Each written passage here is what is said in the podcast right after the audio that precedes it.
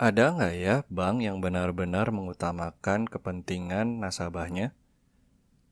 Halo semuanya, balik lagi dengan gua Yosef di podcast Buku and Chill. Di podcast ini gua akan bahas berbagai macam buku non-fiksi. Dan spesial banget untuk episode 2 ini gua akan bahas salah satu buku favorit gua. Buku apa tuh kira-kira? Penasaran aja apa penasaran banget? Makanya dengerin sampai habis ya.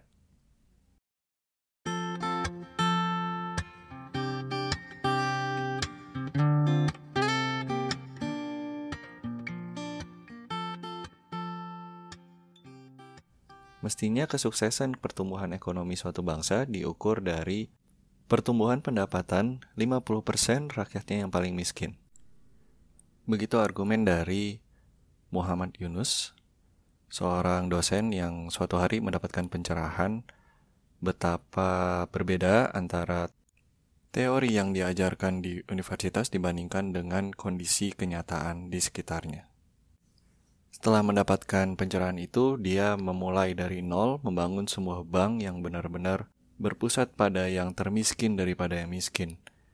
Nah, cerita dari pengalamannya membangun bank inilah yang dia tulis dalam sebuah buku berjudul Banker to the Poor. Sebelum gue bahas isi dan opini gue tentang buku ini di segmen-segmen berikutnya, gue mau cerita dulu dari mana gue dengar buku Banker to the Poor ini sebelum gue tahu akan buku ini sebenarnya gue udah sering dengar tentang Muhammad Yunus.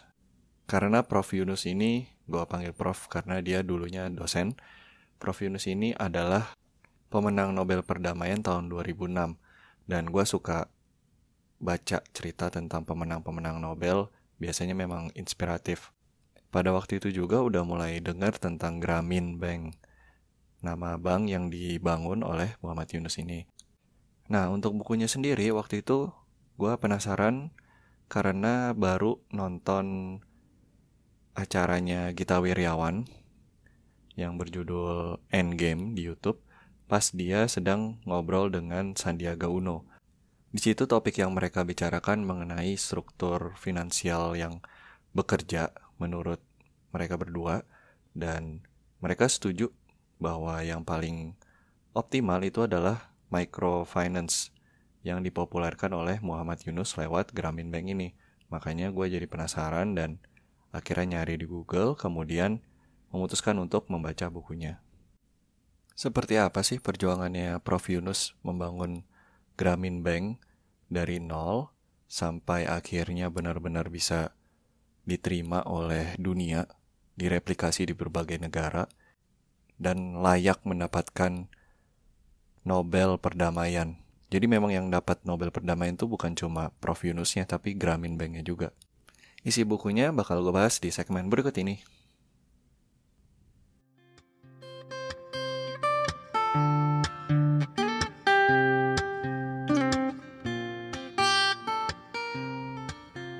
Gramin sendiri dalam bahasa aslinya di bahasa Bengali itu berarti village dalam bahasa Inggris atau kampung dalam bahasa Indonesia. Ada juga yang menerjemahkan sebagai rural dalam bahasa Inggris atau dalam bahasa Indonesia mungkin terpencil. Jadi secara umum bank Gramin ini adalah bank kampung atau bank terpencil. Latar belakang dari bukunya sendiri kira-kira di Bangladesh sekitar tahun 70-an sampai 80-an. Cerita di buku ini dimulai dari pencerahan Prof. Yunus ketika dia memutuskan untuk meminjamkan uang. Nominalnya waktu itu sekitar 20 dolar. Kalau disesuaikan dengan inflasi, mungkin di tahun 2021 ini gue coba pakai inflation calculator, itu sekitar 90,5 dolar. Atau sekitar 1,3 juta lah di kurs rupiah sekarang. Mungkin kalian berpikir 1,3 juta lumayan besar lah Enggak juga karena waktu itu Prof. Yunus meminjamkan uang sebesar ini ke 42 orang. Bayangin aja jadi kira-kira setiap orang pinjam 30 ribu rupiah. Bisa buat apa coba 30 ribu? Yang mengagetkan ketika dipinjamkan uang 30 ribu, para peminjam benar-benar bisa mengembalikan lagi uangnya dan dan uang 30 ribu itu sangat berdampak besar untuk mereka. Mungkin keputusan yang paling menentukan waktu itu adalah keputusan Prof Yunus untuk bukannya menyumbangkan uangnya tetapi meminjamkan Dan ternyata memang para peminjam itu memanfaatkan uang itu untuk usaha dan bisa mengembalikannya secara full kepada Prof. Yunus. Dan yang lebih menarik lagi, waktu itu yang dipinjamkan uang semuanya adalah perempuan. Di masa ketika perempuan, terutama di Bangladesh, sangat sulit mendapatkan pinjaman dari bank. Akhirnya berbekal pengalaman ini, Prof. Yunus mencoba untuk mengumpulkan sumber dana baru dari bank setempat. Dan tentu saja ditolak mentah-mentah awalnya. Setelah melalui perjalanan panjang, berbicara dengan berbagai macam bank, dan akhirnya berhasil mendapatkan pinjaman, maka berdirilah Gramin Bank. Sebuah bank yang berfokus kepada rakyat yang paling miskin, terutama di kala itu adalah kaum perempuan yang sangat sulit mendapatkan akses finansial. Malahan ketika mau melakukan apa pun harus melalui izin dari suami mereka. Tapi bukan cuma tipe nasabahnya aja yang benar-benar beda. Gramin Bank ini seolah memutar balik seluruh cara kerja dan prinsip dari bank yang ada di Bangladesh kala itu dan mungkin seluruh dunia. Sebagai contoh, mereka tidak memaksa nasabah untuk datang ke cabang, tetapi pergi dari pintu ke pintu mendatangi setiap calon nasabah maupun juga nasabah yang sudah meminjam karena mereka tahu betapa sulitnya seorang perempuan mendapatkan izin pergi ke bank seorang diri. Jadi kalau mereka mau ke bank itu harus antara ditemenin atau ya nggak bisa ke bank. Kemudian besaran pinjaman yang sangat kecil. Bunga yang dibayarnya per hari bukan per bulan dan juga sistem nasabah yang mesti berkelompok minimal lima orang supaya mereka bisa saling berbagi cerita, bisa saling mendukung ketika ada yang kesulitan. Dan banyak lagi deh cara kerja yang aneh mungkin pada saat itu, bahkan mungkin sampai sekarang masih tergolong aneh. Tapi semuanya mereka lakukan demi memenuhi visi sebagai bank untuk orang miskin. Nah, jadi memang di awal buku ini fokusnya adalah latar belakang dari Gramin Bank. Ada juga sih beberapa bab itu membahas mengenai kemerdekaan Bangladesh.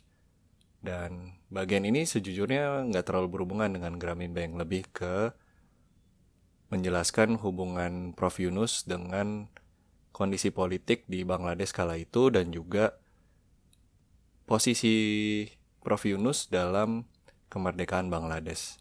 Setelah intermezzo cerita tentang kemerdekaan Bangladesh, kemudian latar belakang Prof. Yunus di keluarganya, cerita di buku ini berlanjut kembali tentang Gramin Bank.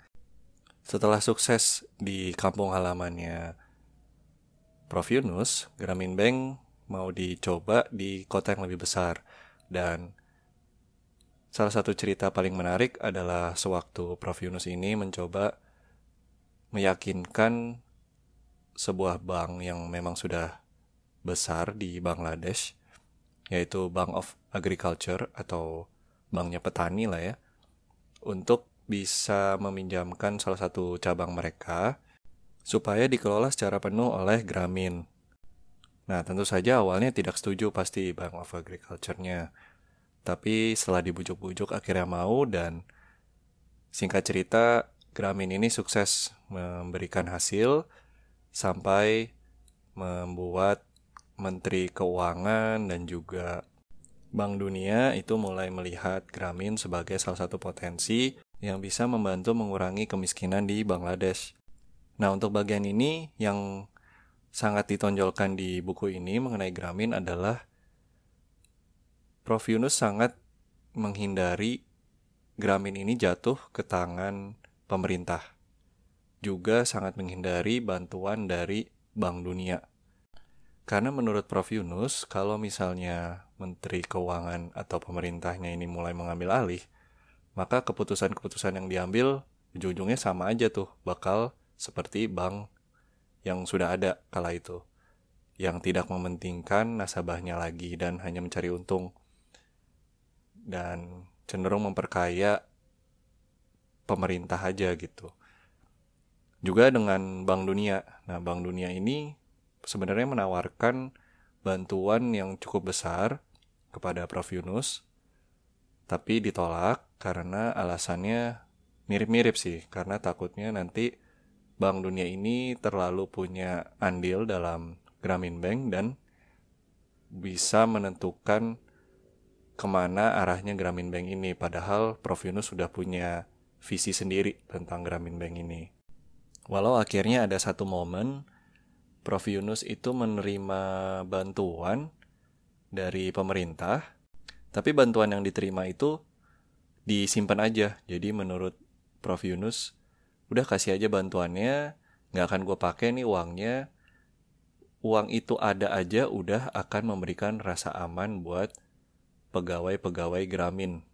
Karena waktu itu pegawai-pegawainya Gramin ini banyak yang ditanya oleh orang tuanya, emang ini bank apa gitu dan mereka merasa kurang aman dengan pekerjaan mereka di Gramin. Apalagi aturan dari Prof Yunus yang mewajibkan mereka untuk jemput bola alias datang langsung ke nasabah. Makin susah aja tuh cari pegawai yang mau repot untuk Gramin. Nah, setelah sukses nih di Bangladesh, di buku ini juga diceritakan bagaimana banyak negara lain yang tertarik mengembangkan versi Gramin mereka sendiri dan mengundang Prof Yunus untuk bisa mengajarkan.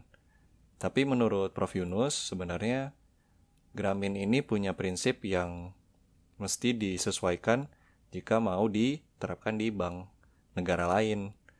Jadi nggak bisa gitu aja copy paste punya Bangladesh lah. Tapi mesti ngeliat seperti apa sih kondisi dan karakter dari masing-masing bangsa.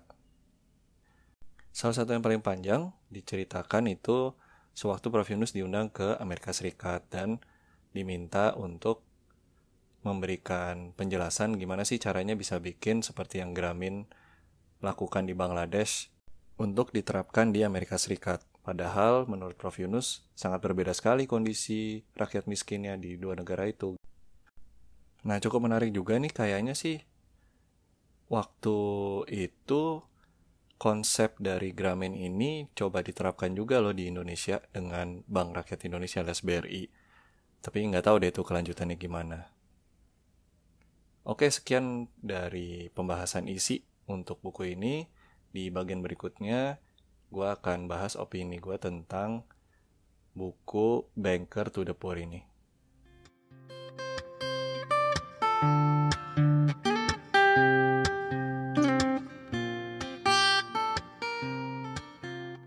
Mari kita bahas statistiknya dulu. Di Goodreads, buku Banker to the Poor oleh Muhammad Yunus diberi rating 4,11 dari 5 ya so-so untuk ratingnya. Panjang bukunya 289 halaman. Pertama kali dipublish tuh tertulis 2003, cuman ada juga sumber yang mengatakan ini pernah dipublish tahun 93, tapi kira-kira tahun segitulah ya. Dan kesan gue sendiri pada saat baca buku ini pertama adalah jujur aja capek banget bacanya.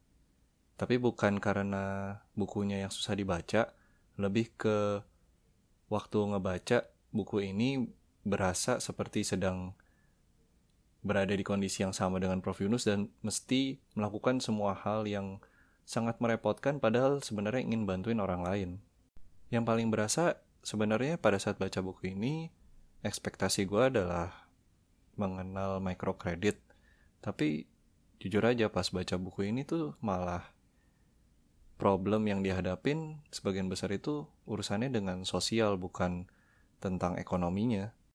Jadi kalau kita pengen mengenal lebih jauh tentang microcredit secara spesifik ya dari segi ekonomi mungkin bukan buku yang tepat ya buku ini. Karena buku ini tuh jatuhnya seperti cerita sih.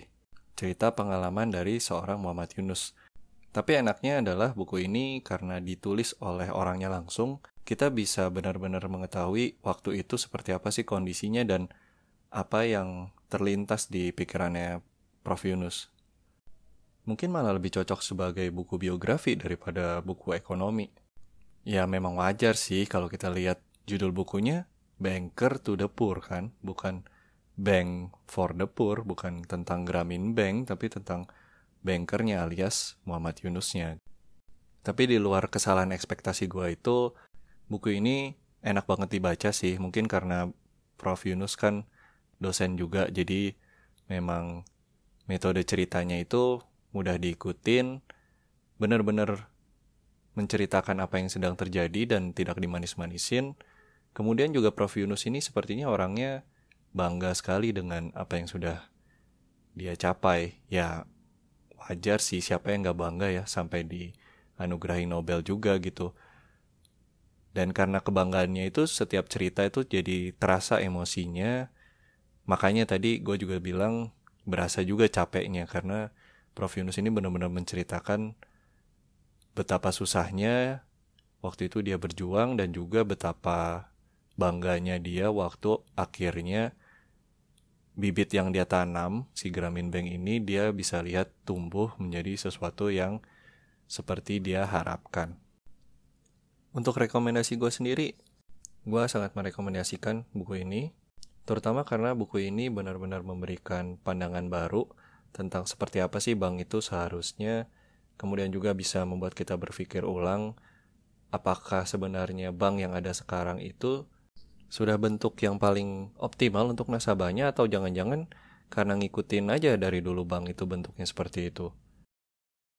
Selain itu buku ini juga bagus buat yang tertarik social entrepreneurship karena di buku ini kan dijelaskan kalau membantu orang lain itu tidak harus non-profit sebenarnya tapi bisa juga kok dengan model bisnis yang sustainable. Tapi jangan kira perjuangannya akan mudah ya, soalnya benar-benar terlihat di buku ini idealisme dari Prof Yunus itu justru bikin repot dirinya sendiri.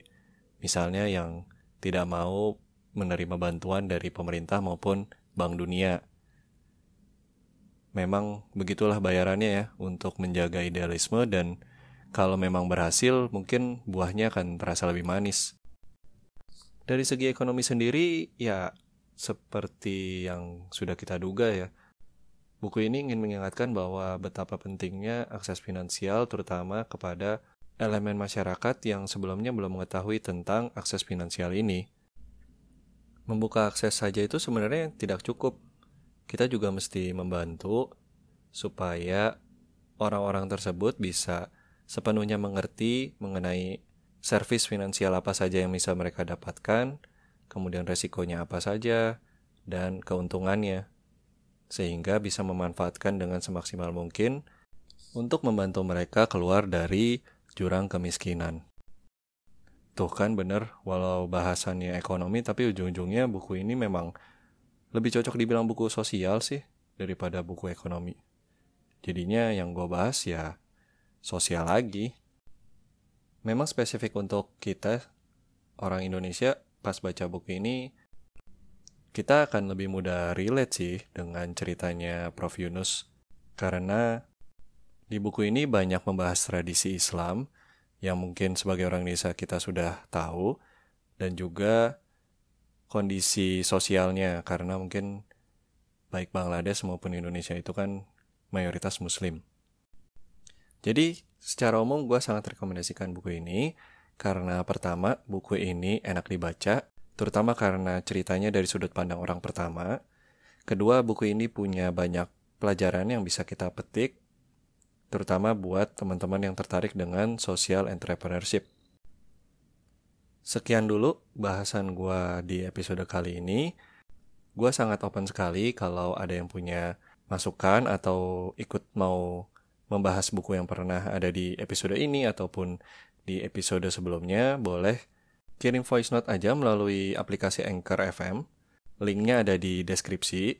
Atau boleh juga kalau mau kirim email ke bukuencil at gmail.com.